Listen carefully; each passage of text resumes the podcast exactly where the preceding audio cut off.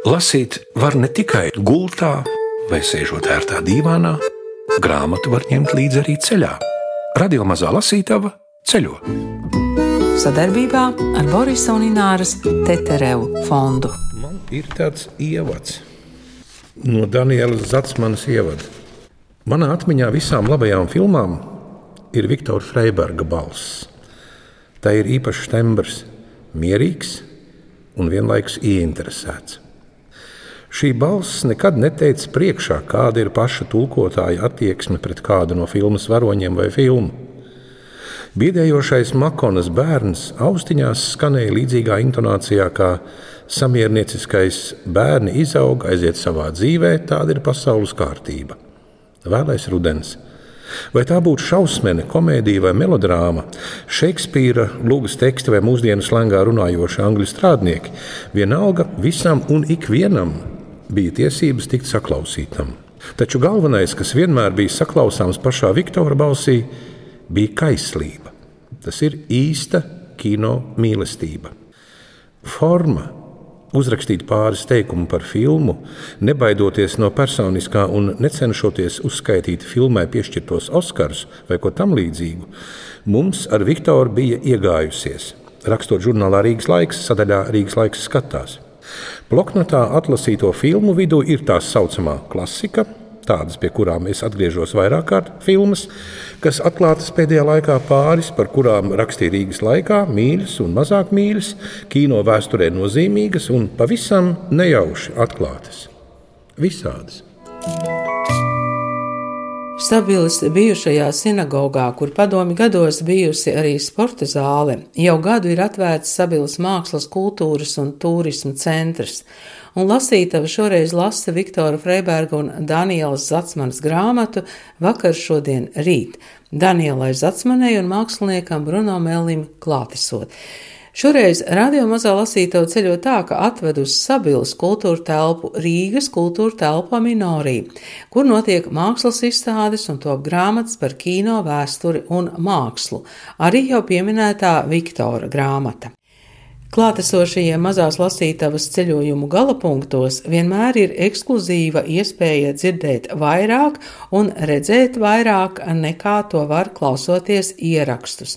Proti var redzēt un dzirdēt, kā notiek lasītavu ieraksti, piemēram, šoreiz Sabilē Gundars Āboliņš lasīja fragmentus arī no Zingeras šošas par polijas ebrejiem un viņu dzīvi starp diviem pasaules kariem, un šo ierakstu papildinātu ar tulkotājas Māras Poļakovas stāstu būs iespēja dzirdēt kādā citā svētdienā.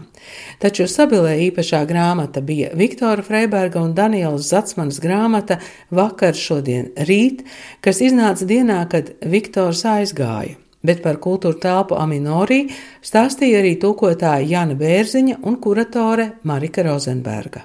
Tātad mēs sākām savu darbību 2018. gadā, izdodot eh, grāmatu sarunas ar Juriju Jurjānu, kurš ir, protams, zināms eh, latviešu gleznotājs. Un reizē ar šīs grāmatas izdošanu notika arī Jurjāna izstādes atklāšana. Un mums ir telpa Rīgā, Valdemāra ielā. Vakar atklājām gleznotāja Māra Upzara izstādi. Tas mūsu galvenais uzstādījums vismaz iesākumā bija veidot grāmatas par mākslu, māksliniekiem, mm, arī teātri un kino. Jūs noteikti esat pamanījuši, piemēram, Ilonas Brūvers veidot to grāmatu kopā ar Juris Strēngu, mana grāmatvedība un tāpat arī uh, grāmatas par Olgu Dreģi. Faktiski viņas veidot tāda dzejas izlase. Tie projekti viens no otra tā dabiskā veidā attīstās. Tim bija arī izstāde Normunda Brasliņa skolniekiem, gleznotājiem, kas arī izauga no tā faktiski, ka Juris, uh, Juris Jurjāns arī bija draugos labos ar Normūnu Brasliņu. Normūns Brasliņš tātad stāstīja mūsu grāmatā arī par Juri. Un arī Neonila Medvēģeva, piemēram, ir Jūra. Jurjāna audzēkne, gleznotāja, ar kuru kopā mēs savukārt izveidojām grāmatu Uzzīmēt baltu lietu, kur arī ir īstenībā ļoti lielā mērā saistīta ar šo novadu, jo Andra Manfelde, kas šo grāmatu sarakstīja. Daudz stāstīja par to, kā viņa savā laikā, bērnībā, bija mākslas skolā mācījusies, un arī šeit, šajā apkārtnē bija braukusi plenēros gleznot. Daniela, man šķiet, ka gan jau arī šajā zālē kādam ausīs skan Viktora Freiberga balss, tulkojot filmas. Un jūs bijāt aprakstījusi to jaunielas kino namu Un tagad es varu atklāt, ka mēs eh, starp pirmspēdējām vakara ziņām un labrīta veidošanu mēdzām aizskriet uz kino no radio mājas. Mums ir žēl, ka tagad tur vairs nav kino. Bet, Daniela, jūsu kino pieredze un uh, jūsu tikšanās ar Viktoru Freibergu. Viktors raksta, ka jūs bijāt studente un tad tā kā pazudāt no viņa uh, redzesloka. Jā, droši vien kā daudz citu Viktoru iepazinu, klausoties viņa lekcijas, man viņš šķita, viņš bija ļoti draudzīgs, viņš vienmēr ieklausījās uh, studentu viedoklī un tā, bet man bija tāda ļoti liela bijība, un es uh, neuzdrošinājos pieiet pie viņa parunāties. Bet tad, kad viņš tulkoja filmas kino galerijā, un mēs tur ļoti bieži gājām, uh, Tad kaut kā neviļus sanāca gan pirms tam, gan pēc tam parunāties. Un vispār, ja drīkst, es varētu uzreiz arī iestarpināt ar vienu Viktoru Freiberga pašu. Viņam bija brīnišķīga humora izjūta stāstu, jo kinogalerijā viņš tulkoja nevis no kabīnes, bet turpat no aizmugures. Un tā tāda maza zālīte, ļoti mīļa. Mēs ar laiku viens otru tur skatītāji pazinām. Un Viktors Freibergs tulkoja filmu, un tad kaut kādā brīdī piecēlās sieviete no priekšējiem sēdekļiem un teica, vai nevarētu palūgt, lai tas cilvēks tik skaļi nerunā. Bet vispār viņa balss ir, jā, ir kino balss, domāju, gan man, gan daudziem citiem, un arī lasot Viktora Freiberga rakstīto tekstus, es vienmēr sadzirdu šo brīnišķīgo, ieinteresēto, bet jāatzīstas arī ironisko par daudzām lietām toni. Pašam par sevi tas, domāju, viņu noteikti arī dzīvē glāba šī spēja pasmieties, pasmaidīt par sevi. Un Viktora balss arī mūsu draudzība kaut kā bija arī ļoti lielā mērā balstījās uz balsi, jo mēs ļoti bieži sazvanījāmies un mēs runājām tiešām stundām. Tad, kad es skatījos, ka zvana Viktors, tad es sapratu, ka man jāiet pastaigāties vai kaut kas tāds jāatliek, jo mēs ilgi runājām, un mēs tiešām runājām arī par filmām. Ko tu esi noskatījies? Mēs pārgājām uz to. Tas bija kaut kādā vairāk gadu garumā. Es, visu laiku Viktors teica, nu vienreiz tam jānotiek. Nākamā dienā es atkal viņu kā profesoru uzrunāju uz jūs. Vienreiz viņš teica, ka pietiek. Tas, bet tas tiešām stiepās gadiem ilgi. Bet, nu, pēc tam mēs pārgājām uz to. Kā jūs nonācāt līdz tam, ka kopā varētu tapt grāmata? Viktors, viņš daudz skatījās filmas. Vispār tāda laba diena ir, kad noskatās vismaz vienu filmu dienā.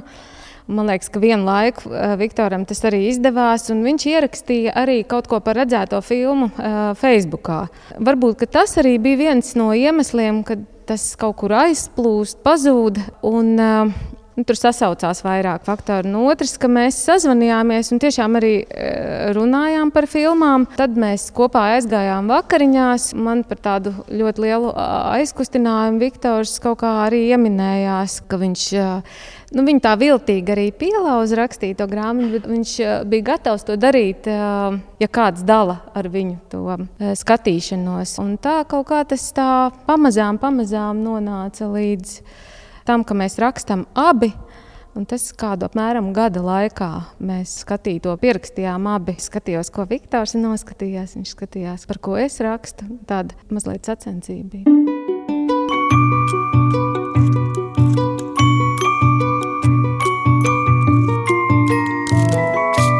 No Viktora Freiberga ievada fragmentiņš. Kā tappa mana izlase kurā nav tikai izcilas filmas, bet arī tādas, ko nemaz nav vērts skatīties. Kāpēc tā? To tūdaļ uzzināsiet. Iedomāsimies nelielu epizodi no filmas. Uz augsta skapja jau sen glabājas kāda kartona kaste, kurā no seniem laikiem ir krāti visdažādāko filmu diski.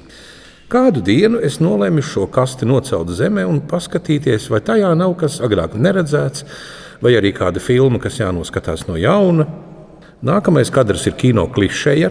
jo ceļot kastu no skapja augšas, tā, protams, izslīd man no rokām, un visi diski izbirst.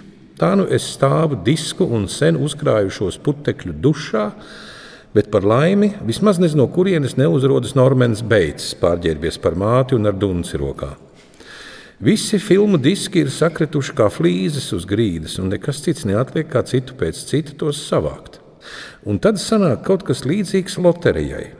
Pārcelājot filmas, atceros, ka daļu esmu redzējis, citas ne, vai arī tās ir piemirstas.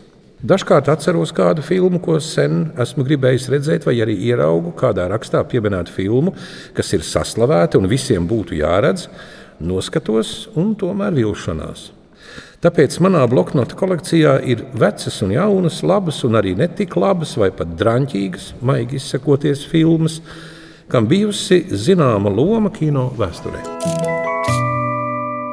Es domāju, ka šajā brīdī ir jādod vārds uh, māksliniekam Bruno Melim, jo mēs jau esam izpriecājušies par to, kāda izskatās grāmata un ka tajā ir atstāta vieta, lai mēs varētu pierakstīt arī kaut ko no sevis. Un aizmugurē ir filmu saraksts. Um, ja vēlaties, protams, varat skatīties arī visas šīs filmas. Ja vēlaties, varat pievienot savas.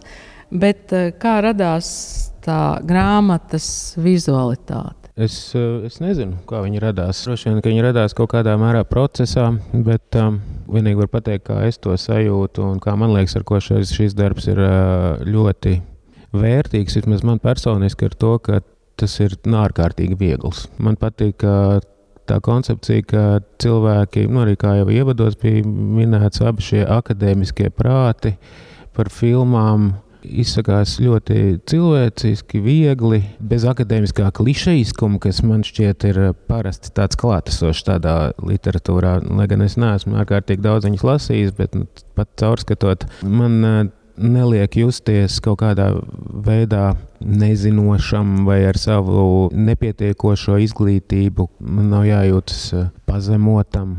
Tas ir nu, fantastisks vieglums, kādā ir rakstīta šī grāmata. Attiecīgi no tā izrietošs arī droši vien pilnīgi organiski bija tas, kā mēs viņu kopā nolēmām mm, vizuāli noformēt. Man tas sagādāja patiešām lielu prieku, jo es uh, darīju, ko es gribēju. Un es katru dienu būtībā zīmēju pa kādam attēlam, iepazinos ar kādu filmu, iepazinos ar kādu tekstu, un es varēju justies, kā es gribēju. Un kā es gribēju, tā es arī zīmēju un nevienam ne par ko neatskaitījos. Neviens arī man nemācīja, kā to pareizi labāk būtu darīt, izņemot dažreiz Danielu, kad viņa teica, ka nu, šis ir šim gan būtu jābūt bēdīgākam, un šeit es tomēr gribētu to bildīt ar to un to kaut kādu. Un man pat tas neapnika, lai gan tas process bija diezgan garš. Mēs uh, to grāmatu gatavojam laikam kādus div, divus gadus ja, kopā. Kaut kas tiek pa vidu pārrakstīts vēl mazliet, kaut kas pārzīmēts.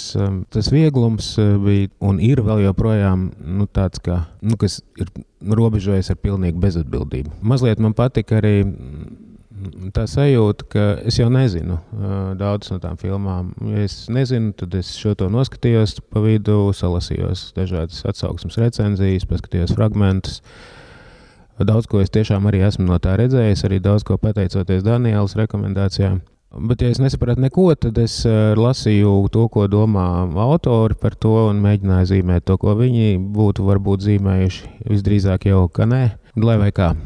Viegls process, viegls rezultāts. Es domāju, ka tam ir liela pievienotā vērtība. Tad, kad jūs to grāmatu paņemsiet rokās, paskatīsieties uz tā aizmugures vāka, lūdzu, nedomājiet, ka kāds ir bezatbildīgi tur uzlicis kafijas tasīt. Tā tam ir jābūt, jo droši vien, kad mēs. Uh, rokamies pa papīriem un skatāmies filmas. Mums tā kafijas tasīta neglābjama ir un atstāja kaut kur savu nospiedumu.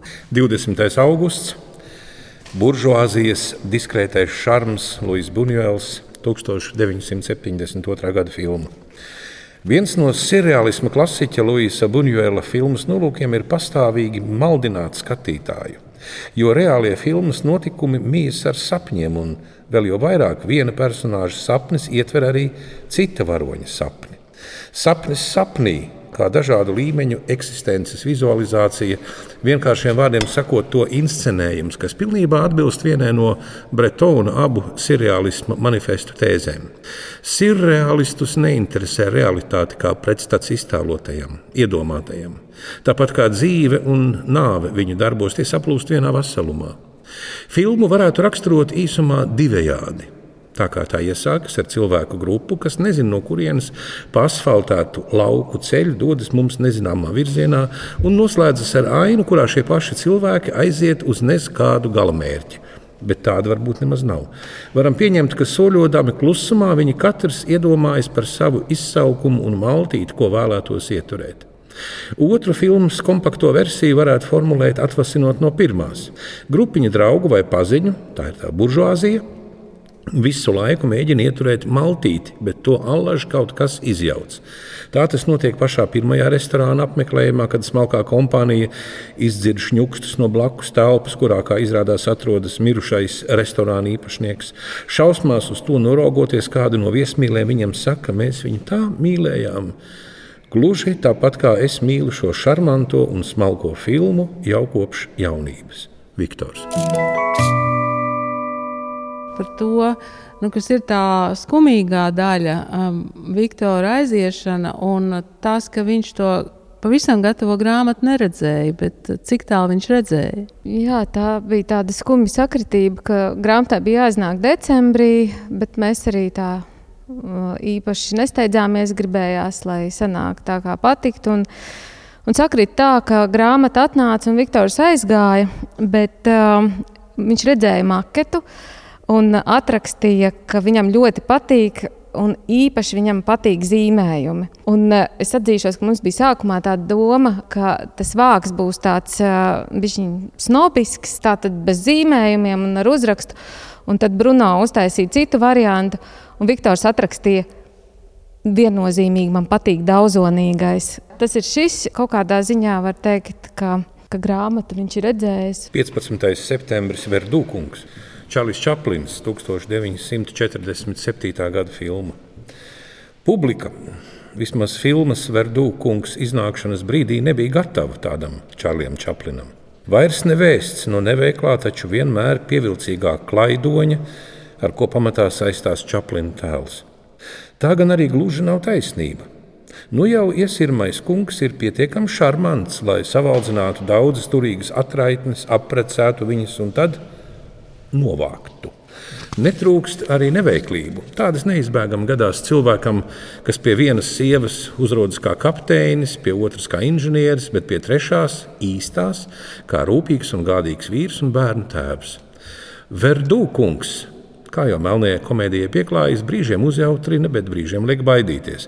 Piemēram, Verdū indīgais šķidrums kādu policistu iemidzina uz mūžu. Taču neilgi pēc tam, kad sajaukusi pudelītes to iesmērē matos verdū kolorītākās sievas Anabelas kalpone, viņai noiet mati, un tas ir smieklīgi. Atšķirībā no klaidoņa, verdū, viņam ir arī citi uzvārdi, runā un runā viņš ļoti daudz. Daļa mēmo filmu fizisko joku slodzes tiek pārnest uz valodu. Jums ir daudz vairāk skaistuma, brieduma un daudz vairāk visa. Verdū saka kādai miesās pilnīgai un bagātai atraitnē gados.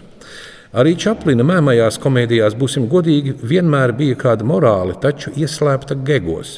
Tā vēršas pie izdomas, bet, kad izteiktu vārdos, filmas beigu daļa, tajā var saklausīt pretenziju uz patiesību. Tēmu par individuāli radīto ļaunumu iepratim ieroču ražotāju radītajam postam mierīgi varētu atstāt filozofiem. Taču katrs jau no filmas var paņemt to, ko vēlas. Un Verdūkungā ir daudz labā. Neviennozīmīgs antivaronis, brīnišķīga sieviešu tipāža, jautras melu virāžas, spriedze, sentiments un arī kāda indes recepte. Oi, Daniela! Daniela, tagad jūs kārt. Vecmeita Žants Pjērs Blāns 1972. Vasarā atvaļinājumā nejauši satiekas brīvs vīrietis un sieviete. Vecmeita nav īlo kunga brīvdienas, kaut arī šeit viss notiek kādā Francijas pludmales viesnīciņā, un ir gan komiski varoņi, gan situācijas. Un tomēr gribas domāt, ka tieši īlo kungs atstājis iespaidu un labvēlīgu skatījumu uz visu veidu tipāžiem, īpaši vasarā un pludmalē. Vecmeitā komisms nolasāms gan atkārtotās darbībās, neveiklā pārģērbšanās, kafija gultā un citas, gan valodā. Kāds nepatīkams subjekts, nodomā Bušonas pusmūža jaunkundze. Mūžā neesmu redzējis tādu mūmiju, nodomā Markas Usa kungs, kad abi pirmo reizi satiekas pie pusdienu galda viesnīcā. Filipa no Rē varonis, lielais, draudzīgais un simpātiskais vīrietis, rada smieklīgu kontrastu ar Annijas Žirardo mazo un naturīgo sievieti. Viņa ir noslēgta, viņa ievēro režīmu, vārdu sakot, viņa ir vecmeita. Tagad teiktu neatkarīga sieviete, bet 70. gados tā nebija kad no Rē viņai stāsta par dīvaino teoloģijas profesoru un viņa sievu, kuri arī apmetušies viesnīcā, Žirardo jautā, vai tad mums visiem nav savas dīvainības? Filmā ir daudz smalku detaļu, tā nesteidzas, un tā, tāpat kā tās galvenie varoņi, neuzdodas par ko lielāku nekā tie ir. Bušonis Jaunkundze un Markasusa kungs nevis gari un ilgi apspriež savas jūtas un nākotnes plānus, bet pirms atvedām stacijā pārmīja vienīgi pāris teikums. Vienmēr elegantais Gabriels tobrīd ir uzvilcis dzeltenu tēkreklu, uz kura uzzīmēta milzīga jautājuma zīme. Daniela. Kamēr jūs lasījāt, es uh, skatījos to filmu sarakstu, kas ir grāmatas beigās, un um, es nevaru atrast nevienu Felīnī filmu. Es tagad uh, nodošu mikrofonu Janai, jo uh, Laikam tieši ar Jānu sākās mūsu iepazīšanās ar Aminoriju un ar uh, Felīnu. Jā, tā laikam tā Aminorija filmu grāmatu sērija uh, ir aizsākusies nevis ar filmām, bet ar režisoriem. Un pirmais darbs ir Federico Felīni sarakstītā grāmata veidot filmu. Un tas bija tāds interesants atklājums, ka mm, režisors Felīni prot arī lieliski rakstīt. Un tad bija tā lieliskā iespēja izdot kopā ar Itālijas vēstniecību. Šī ir grāmata, kur Felīnija raksta par savu dzīvi, par to, kā top filmas, par saviem sapņiem. Reizēm ir grūti saprast, par ko viņš raksta, jo sapņi savijās ar īstenību, un filmām, un dzīvi, dažādiem pārpratumiem, situācijām. Un, jā. Tad jāteic arī, ka šī grāmata ir ļoti skaistā vizuālā formā, jo Aminorija grāmatām ir tā brīnišķīgā iespēja sadarboties ar lieliskiem māksliniekiem.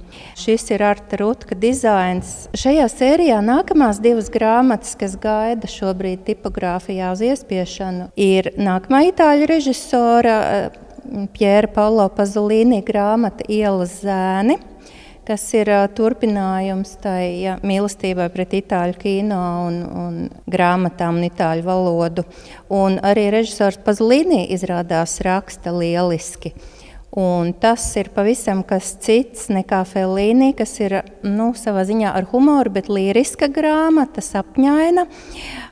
Pazulīni raksta skarbi, Viņa grāmatas notikumi notiek 50. gadu Romā, 50. gadu sākums. Roma ir drupās, pēc kara valda nabadzība. Galvenie varoņi ielu puikas klaiņo, zog, dara vēl sliktākas lietas. Par to Pazlīnī raksta īsi, lakoniski, skarbi. Un tad pēkšņi pāriet plūstoši uz brīnišķīgiem Romas aprakstiem. Un tā nav tā turistu Roma no kartītēm, bet ļoti skarba Roma uzbrukoša. Un trešā grāmata, neliela atkāpe Sansolas no itāļiem, ir režisora Vudija Alena stāstu krājums bez spalvām, kas arī drīzumā iznāks. Izrādījās, ka arī šis režisors lieliski raksta. Humors nav tik vienkāršs, jo tur ir mm, Vudijam Alanam raksturīgā psihoanalīze, pašironija, kas lielā mērā sasaucas ar Viktoru, ar to, kā raksta Viktors. Man pa to laiku Daniela parādīja, ka sarakstā ir Felīnija filma Džulieta un Gari. Federico Fellini, 1965. gads. Giulietta degli Spiriti, Giulietta un Gāri Federico Fellini, 1965. Šī ir neparasta Felīnija filma. Neparastas gan tās ir visas. Džulieta un Gari ir režisora pirmā krāsainā filmas filma, un krāsas viņš izmanto ar vērienu. Gan Džulietas tērpos, gan krāšņajos interjeros ir daudz spilgtuma, īpaši sarkanais, taču ir arī melnbaltas epizodes. Kad Džulieta skatās privāta detektīva uzņemtos kadrus ar viņas vīru un viņa mīļāko. Šie kadri ir melnbalti. Skarbā patiesība, kā to pierādījuši neoreālisti, ir drīzāk melnbalta. Neparasts ir arī Džulietas mazīnas tēls. Pirms tam bija ierasts viņu redzēt jūtīgā, apspiestā, cirka pasaulē piederīgā visai aseksuālā tēlā, taču te Džulieta ir precējusies, labklājīga sieviete, kurā jūtams milzīgs spēks un enerģija. Felīnī šajā sievietes neatkarības ceļā rotaļājas ar psihoanalīzes konstruktiem. Džulietai ir valdonīga māte, neusticīgs vīrs, viņai ir apspiestas jūtas un ļoti krāšņa sapņu pasaule. Felīnī savā grāmatā rakstīja, ka vienīgais īstais realists ir sapņotājs. Un uzreiz gan piebildi, kas to ir teicis. Daniela. Un te es atradu vēl vienu filmu, ko es atceros no savas jaunības. Ugunsdzēsēji balle, Milošs Formans, 1967. Ugunsdzēsēju balli ir tiešām par ugunsdzēsēju balli, kurā jābūt klasiskas balles attribūtiem. Paredzēts arī skaistuma konkurss, gan izloze, tāpat arī plānots godāt vienu no vecākajiem ugunsdzēsējiem pilsētā, kā dāvanu pasniedzot viņam cirvi. Bet viss izvēršas seriālā farsā. Skaistuma konkurss praktiski izgāžas, loterijas balvas cita pēc citas tiek nozagtas, un tad iegaudojas arī sirēna, kas liecina, ka kaut kur deg. Pavisam netālu aizdegusies veca vīra māja, un ugunsgrēks kļūst par centrālo balles notikumu. Viesi ar glāzēm rokās noraugās, kā nodeg māja, un tad pamazām izklīst. Māja nodeg līdz pamatiem, balle izplēnējusi. Un neliela personiska piebilde. Pasaule kļūst aizvien absurdāka savā izpausmēs, un dažkārt, kaut cenšos pretoties šai domai, aizvien nabagāka kultūras ziņā šajā mūsdienu puritāniskajā atmosfērā. Viktors. Fragmentus no Viktora Freiberga un Danielas Zatsmanas grāmatas vakar šodien rīt lasīja Daniela Zatsmane un Gundars Āboliņš, stāstīja mākslinieks Bruno Mellis. Par Aminorī kino grāmatām un izstādēm stāstīja Jana Bērziņa un Marika Rozenberga, stabilēja par viesmīlību paldies saka Agita Bērziņa, Gins Grīvāns, Raimons Elmis un Ingvilda Strautmane. Ir jālasa un jāskatās filmas, jo tāda bija tā doma, kā teica Viktors, ievilināt jūs kā Alisa Truša alā kino pasaulē. Lasīt var ne tikai gultā vai sēžot ērtā dīvānā, grāmatu var ņemt līdzi arī ceļā. Radio mazā lasītava ceļo. Sadarbībā ar Borisa un Ināras Teterevu fondu.